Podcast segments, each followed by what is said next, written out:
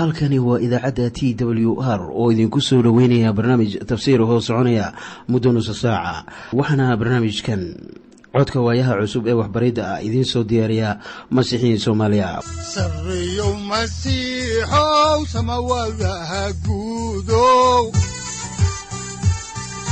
Siraadkii adduunkow subanaha eebow sareyow masiixow samawadaha guudow siraadkii adduunkow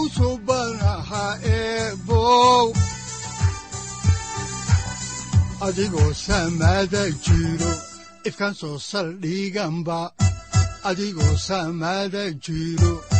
soo saldhiganba kutubtiisanaye wuxunogu saaciiday sharxin sifahaaga ku soo dhowaada dhegaystayaal barnaamijkeenna dhammaantiinba waxaan horay u sii ambaqaadi doonnaa daraasaadkii la magac baxay baibalka dhammaantii. Waxaannu idiin sii wadi doonnaa caawa kitaabka xaakinnada oo qayb ka ah axdigii hore. Markaana waxaannu idiin sii wadi doonnaa cutubka kow iyo tobanaad ee kitaabka xaakinnada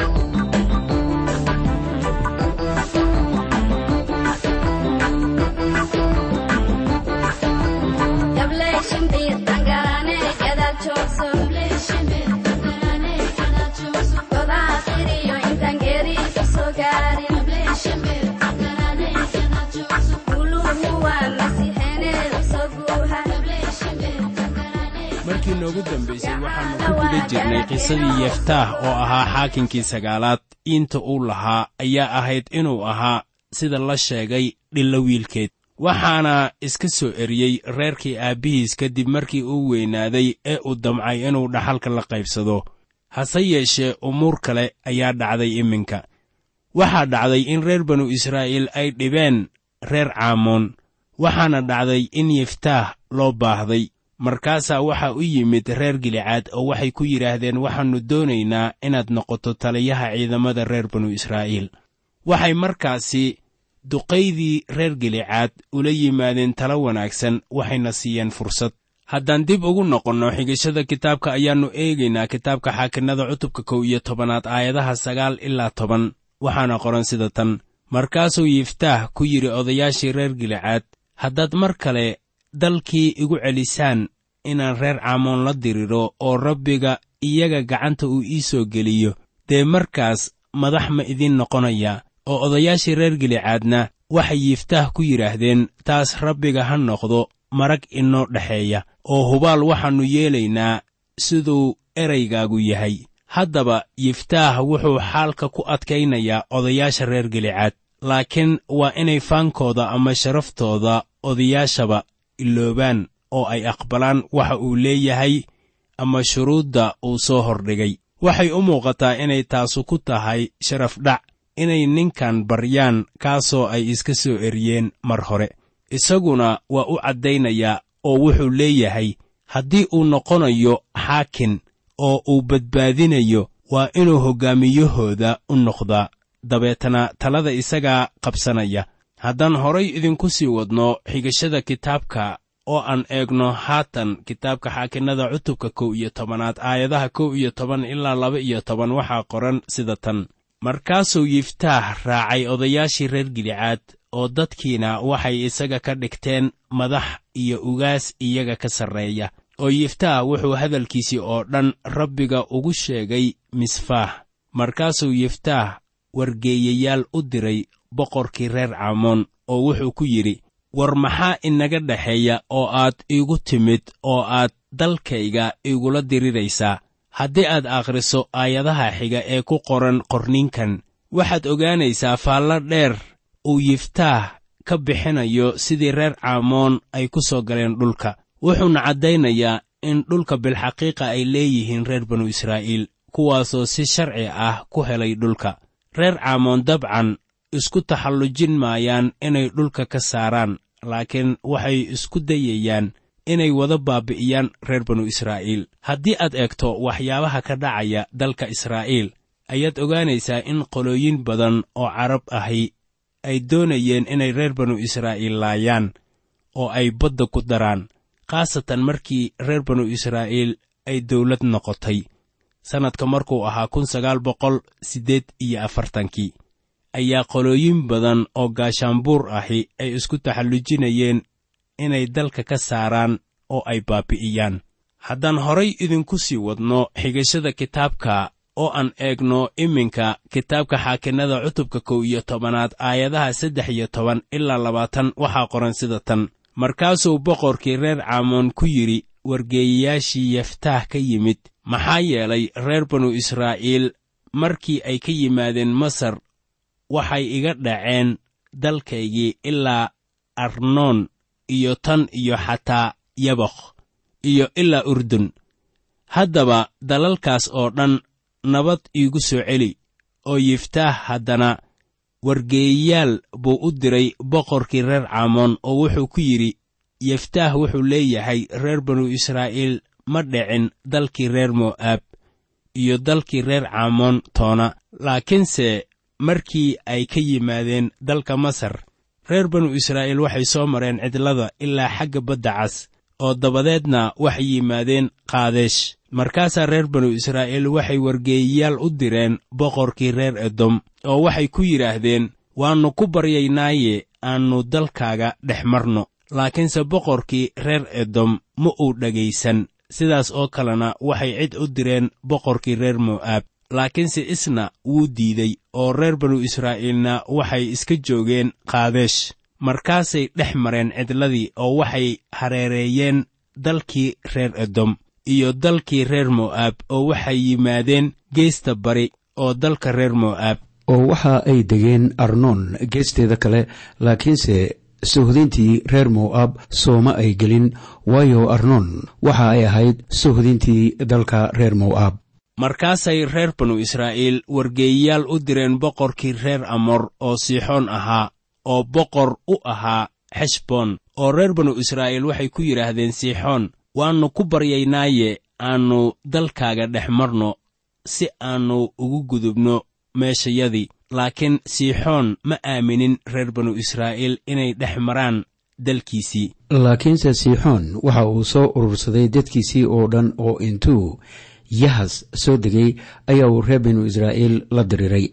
Waxaan filayaa in qof waliba uu garanayo dhibkii ay reer banu israa'iil ka mutaysteen markii ay soo gelayeen dhulkooda.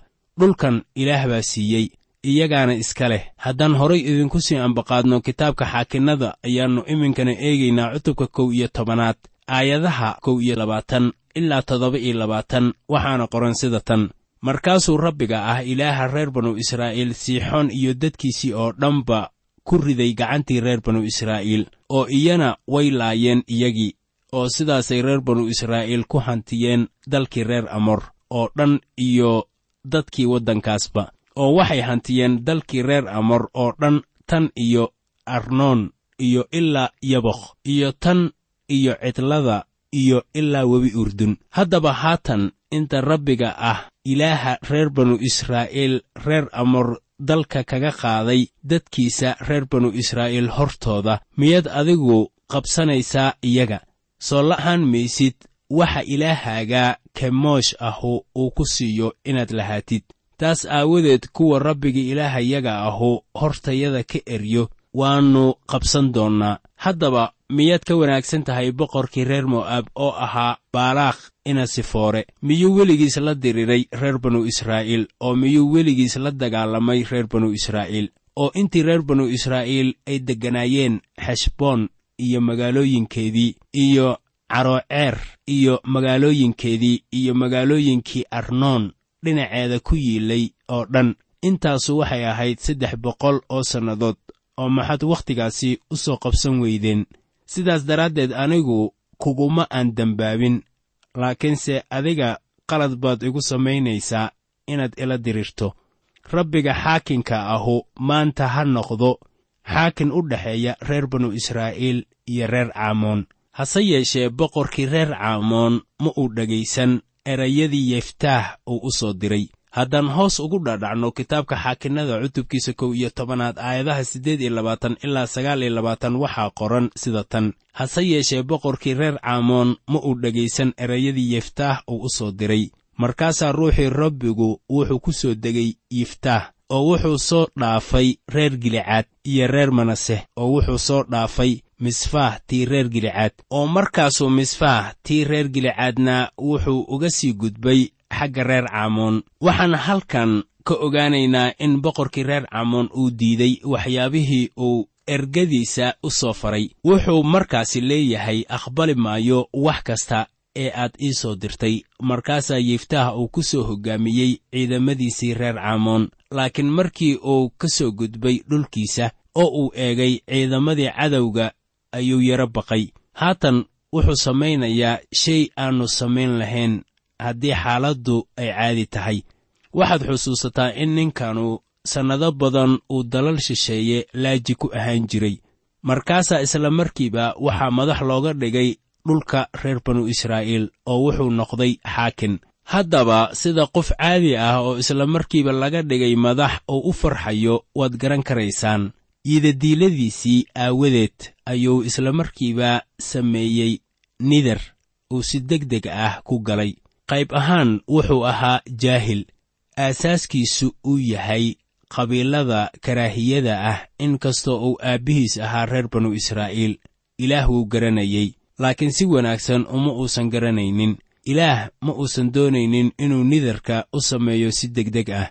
Haddaan horay idinku sii wadno xigashada kitaabka xaakinnada ayaannu eegaynaa cutubka kow iyo tobanaad aayadaha soddon ilaa kow iyo soddon. Waxaa qoran sida tan markaasaa yiftaah wuxuu rabbiga u nidiray nidar oo wuxuu yidhi hubaal haddaad reer caamoon gacantayda soo geliso markaasaa wax alla wixii irdaha gurigayga ka soo baxo inuu ila kulmo. Markaan reer caamoon nabad kaga soo noqdo waxaa lahaan doona rabbiga oo waxaan u bixin doonaa allabari la gubo. Haddaba asbaabta yiftaah wax uu u samaynayo waa mid xaq ah oo ilaah wuxuu isaga siiyey xaqiiqo weliba ee ah inuu guusha siinayo. Ninkanu uma baahnayn inuu ku degdego nidarka laakiin ilaah guusha sal ugama dhigo nidar. Waa gacanta rabbiga tan isaga sare u qaaday oo heerkan gaarsiisay. Waxaa yiftaah laga doonayey inuu aqoonsado. Marka haddii ilaah heerkan uu soo gaarsiiyey in ilaah uu dhibaato waliba uu ka gudbin doono waa inuu ogaado aayadda sagaal iyo labaatanaad ee cutubkan ayaa laynoogu sheegayaa in ruuxa ilaah uu ku soo degay yiftaah markaana looma baahnayn inuu wax kale la yimaado. Miyaad hadda qiyaasi karaysaa marka uu leeyahay sida ku qoran aayadda kow iyo soddonaad oo leh qayb ahaan? Markaasaa wax alla wixii irdaha gurigayga ka soo baxa inuu ila kulmo markaan reer caamoon nabad kaga soo noqdo. Markaas waxaad ka soo qaaddaa inuu qof saaxiibkiisa ah uu ka soo hor baxo qofkaas allabari looma bixin karo. Haddaba ma noqoteen wax hagaagsan inuu qofkaasi ilaah u hibeeyo. Haddaan horay idinku sii wadno xigashada kitaabka ayaannu haatanna eegaynaa cutubka kow iyo tobanaad aayadaha afar iyo soddon ilaa shan iyo soddon. Waxaana qoran sida tan. Markaasuu yiftaah yimid misfaa xagga gurigiisii oo bal eeg gabadhiisii baa ka soo baxday inay la kulanto iyadoo daf tumaysa oo ciyaaraysa. Madibay u ahayd oo iyada mooyaane wiil iyo gabar midna ma uu lahayn. Oo markuu arkay iyadii ayuu dharkiisii iska jeexjeexay oo wuxuu yidhi dugaay gabadhaydiyey hoos baad ii dhigtay oo waxaad tahay kuwa dhiba middood. Waayo rabbigan afkayga u furay oo dibna uma aan noqon karo. Yiftaax ilaah buu nidar u nidiray wuxuuna gartay inaannu nidarkaasi ka soo noqon karin. Su'aasha waxay tahay miyuu gabadhiisii u bixiyey allabari ahaan? Bal aynu xaaladdan si hoosaysa u fiirinno in yar. Qorniinku waxba ka sheegi maayo nidarkan yiftaax oo odhan maayo wuu hagaagsan yahay iyo ma hagaagsana toona. Qorniinku wax qalad ah kama sheegin nidarkan yiftaax bilxaqiiqa warqaddii cibraaniyada cutubka kow iyo tobanaad aayadda laba iyo soddonaad ayaa leh oo maxaa kale oon idhaahdaa waayo wakhtigu waa igu gaabnaan doonaa haddaan wax ka sheegi lahaa gidcoon iyo baaraaq iyo samson iyo yiftaax iyo daa'uud iyo samuel iyo nebiyadii. Sidaad markaa arkaysaan yiftaax waxaa lagu soo dhex daray horumar rag wanaagsan oo caan ahaa oo welibana ay ku jiraan nebiyo iyo boqorro iyo xaakinno. Haddaba amarrada ilaah waxay leeyihiin waa inaadan qurgoyn sida ku qoran baxniintii cutubka labaatanaad aayadda saddex iyo tobanaad. Ilaah haddaba wuxuu ka bixiyey amarro tafatiran oo ku saabsan inaan la oggolaanaynin in carruurta loo bixiyo sida allabari waxaa sidaas yeeli jiray qabiiladii ku wareegsanaa reer banu israa'iil. Haddaan amarkaasi idinka akhrinno kitaabkii shanaad ee muuse ee loo yaqaanno sharciga ku noqoshadiisa cutubka laba iyo tobanaad aayadda kow iyo soddonaad ayaa waxaa qoran sida tan waa inaadan rabbigii ilaahiinna ah saas ku samayn. Maxaa yeelay wax kasta oo rabbiga karahsado oo uu necab yahay ayay iyaga ilaahyadooda ku sameeyaan oo xitaa wiilashooda iyo gabdhahooda bay u gubaan ilaahyadooda. Waxaa kaloo ilaah uu leeyahay idinma aynan weyddiisan inaad sidaas ii samaysaan mana ahan inaad waxyaabaha caynkaas oo kale ah samaysaan. Waayo waa qaynuunka qolooyinka cawaanta ah iyo kuwa karaahiyada ah ilaah uma oggolaanin nebi ibraahim inuu gowraco wiilkiisa isxaaq. Waxaan markaasi u baahannahay inaan taasi maanka ku haysanno. Haddaba qisada ku saabsan isxaaq iyo ibraahim waxay tilmaamaysaa oo keliya sida qotada dheer ee nebi ibraahim uu ula socday ilaah ama uu u raacay. Haddaba waxaa bannaanka yimid markaan eegno xaalka nebi ibraahim iyo nebi isxaaq in nebi ibraahim uu wax waliba u hurayo ilaah. Markii nebi ibraahim mindidii kor uu u qaaday oo uu niyadda geliyey inuu isxaaq sadaqeeyo ayaa ilaah uu u sara kacay inuu badbaadiyo isxaaq oo uu welibana xaqnimo ugu tiriyo nebi ibraahim ficilkiisii haddaba hadalladan yiftaax ee ku qoran aayadda kow iyo soddonaad ee cutubkan kow iyo tobanaad ayaad mooddaa in tarjumadu ay yara beddelan tahay. Waxaad ogaataa waxa yiftaax uu odhanayo markuu leeyahay wax alla wixii irdaha gurigayga ka soo baxo inuu ila kulmo markaan reer caamoon nabad kaga soo noqdo. Waxaa lahaan doona rabbiga oo waxaan u bixin doonaa allabari la gubo. Waxaad mooddaa in tarjumada laysku daray oo aan la kala goyn. Waxaa tarjumadu ay noqonaysaa sida abbaarta ah sidan oo waxaan kuu soo bixin doonaa allabariga qurbaanka la gubo laakiin ma ahan inuu lahaa ama odhanayey oo waxaan u bixin doonaa allabari la gubo kuwa aan marka hore la kulmo. Wax kastoo ay yihiinba. Waxaa markaasi jumladdiisa haddii aan dhisno ay noqonaysaa in yiftaax laba hal mid uu samaynayo inuu qurbaan la gubo ilaah u bixinayo iyo inuu qofkii gurigiisa kaga hor yimaada uu u bixinayo ama u hibaynayo ilaah. Haddaba su'aashu waxay noqonaysaa miyaa yiftaax gabadhiisii allabari ahaan uu u bixiyey. Waxaan idinku leeyahay sidaas ma uusan yeelin waxaase loola jeedaa ilaah buu u soocay iyada si ay bikradnimadeeda u sii wadato ilaa ay ka dhimato. Haddaba yiftaax ayaa halkan jooga wuxuu doonayey inuu lahaado ilmo uu awoowo u yahay. Wuxuuna dhalay oo keliya hal gabar. Iyada ayayna ahayd wixii ka soo hor baxay ee ugu horreeyey. Haddaan horay idinku sii wadno xigashada kitaabka ayaannu iminkana eegaynaa kitaabka xaakinnada cutubka kow iyo tobanaad aayadda lix iyo soddonaad. Waxaa qoran sida tan oo waxay ku tidhi aabbahayow rabbigaad afkaaga u furtay haddaba igu samee wixii afkaaga ka soo baxay. Waayo rabbigu waa kaaga aarguday cadaawayaashaadii kuwaasoo ahaa reer caamoon waxaad haddaba ogaataa in gabadhiisa ay tahay mid ilaah addeecsan. Waxay leedahay waan samaynayaa wax waliba ee aabbahay nidar uu ku galay. Waayo bay tidhi rabbigu waa kaaga aarguday cadaawayaashaadii haddaan horay u sii wadno xigashada kitaabka ama aayadda ku xigta ee toddoba iyo soddonaad ayaa waxaa qoran sida tan oo waxay aabbahayd ku tidhi bal waxaan halla ii sameeyo intii laba bilood ah iddaa oo intaan buuraha tago aniga iyo saaxiibaday aan bikradnimadayda u baroorte. Haddaba gabadhu ma ayaan garin in nidarkiisa uu ahaa inuu wax bixiyo laakiin waxay la noqotay inaanay kol dambeeto iyadu guursanaynin sidaas ayay iyada ula muuqatay. Waxaanay dareentay inay bikradnimadeeda u baroorato. Weligeedna nin ma guursan doono oo nolosheeda oo dhan ilaah baa loo hibaynayaa haddaan horay idinku sii wadno xigashada oo aan eegno aayadaha siddeed iyo soddon ilaa afartan ee cutubka kow iyo tobanaad waxaa qoran sida tan.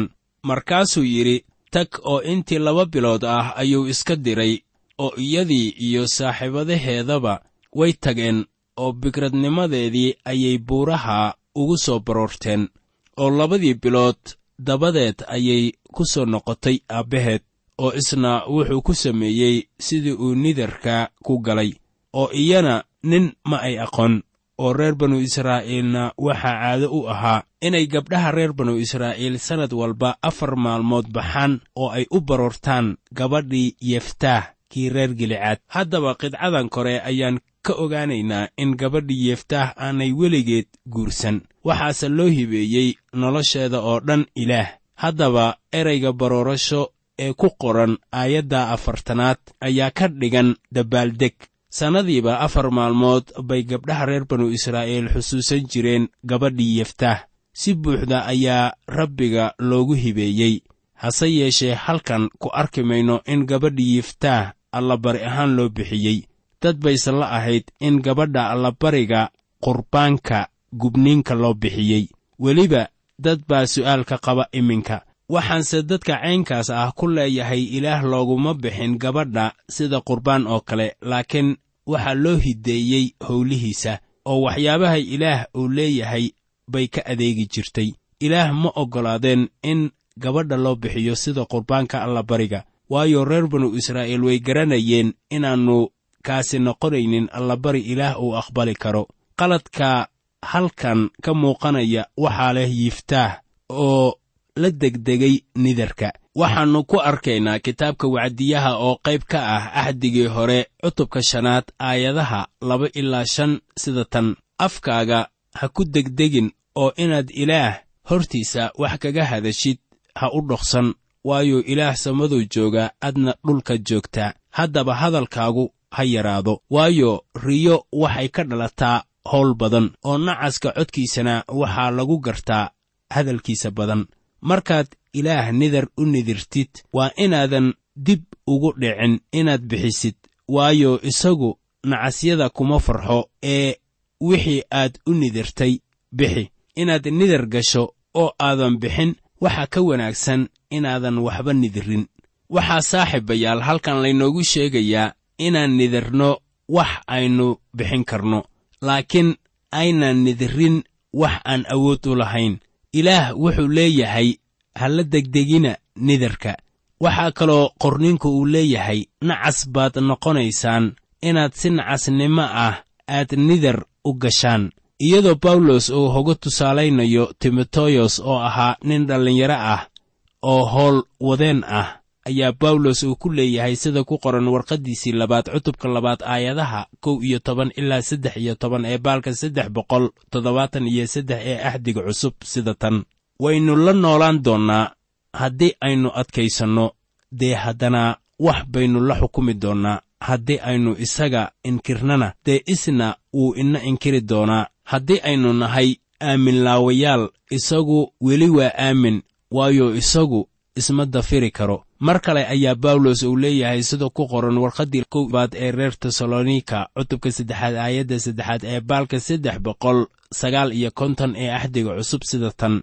Inaan dhibaatooyinkani ninna dhaqdhaqaajin waayo idinka qudhiinnuba waad ogsoon tihiin in tan laynoo doortay. Haddaba ilaah waa aamin oo wax kasta wuu fuliyaa. Welibana haddii aynu isaga wax u ballanqaadno waa inaan u fulinnaa sidaan ugu ballanqaadnay. Waxaan idinku leeyahay yiiftaah innaga maanta wuxuu inoo yahay cashar wanaagsan. Yaynan ku degdegin nidirrada aynu ilaah u ballanqaadayno. Haddii aan qaadnana nidirradaasi waa inaan u fulinnaa siduu yahay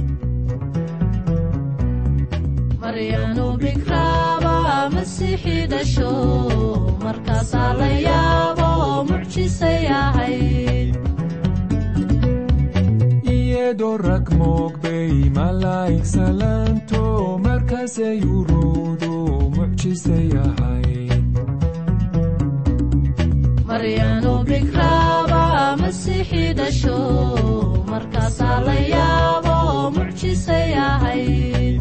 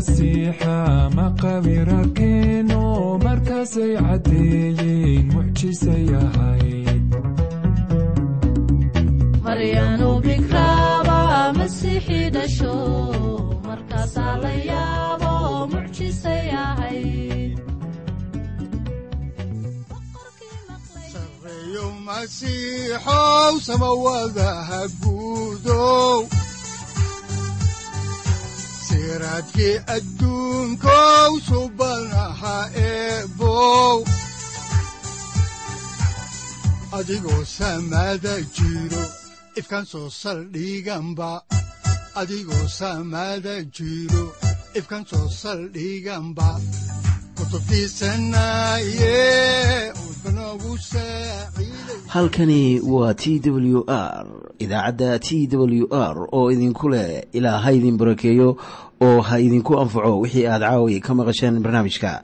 Waxaa barnaamijkan oo kalea aad ka maqli doontaan habeen dambe hadahan oo kale haddiise aad doonaysaan in aad fikirkiina ka dhiibataan wixii aad caawi maqasheen ayaad nagala soo xiriiri kartaan som t w r at t w r c o k e haddii aad doonaysaan in aad dejiisataan oo kaydsataan barnaamijka ama aad mar kale dhegaysataan fadlan mar kale booqo www t w r o r g amase www t t b t w r o r g amase waxaad teleefoonkaaga ku kaydsataa ama ku download garaysataa agabyada ku sahli karaa dhegeysiga t w r haddii aad doonayso in laga kaalmeeyo dhinacyada fahamka kitaabka amase aad u baahan tahay duco fadlan fariimahaaga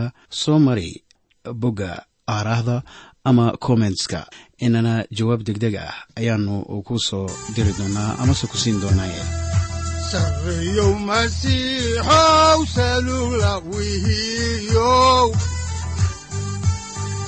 saacadda timid dhulka sabada ku dhalatiyo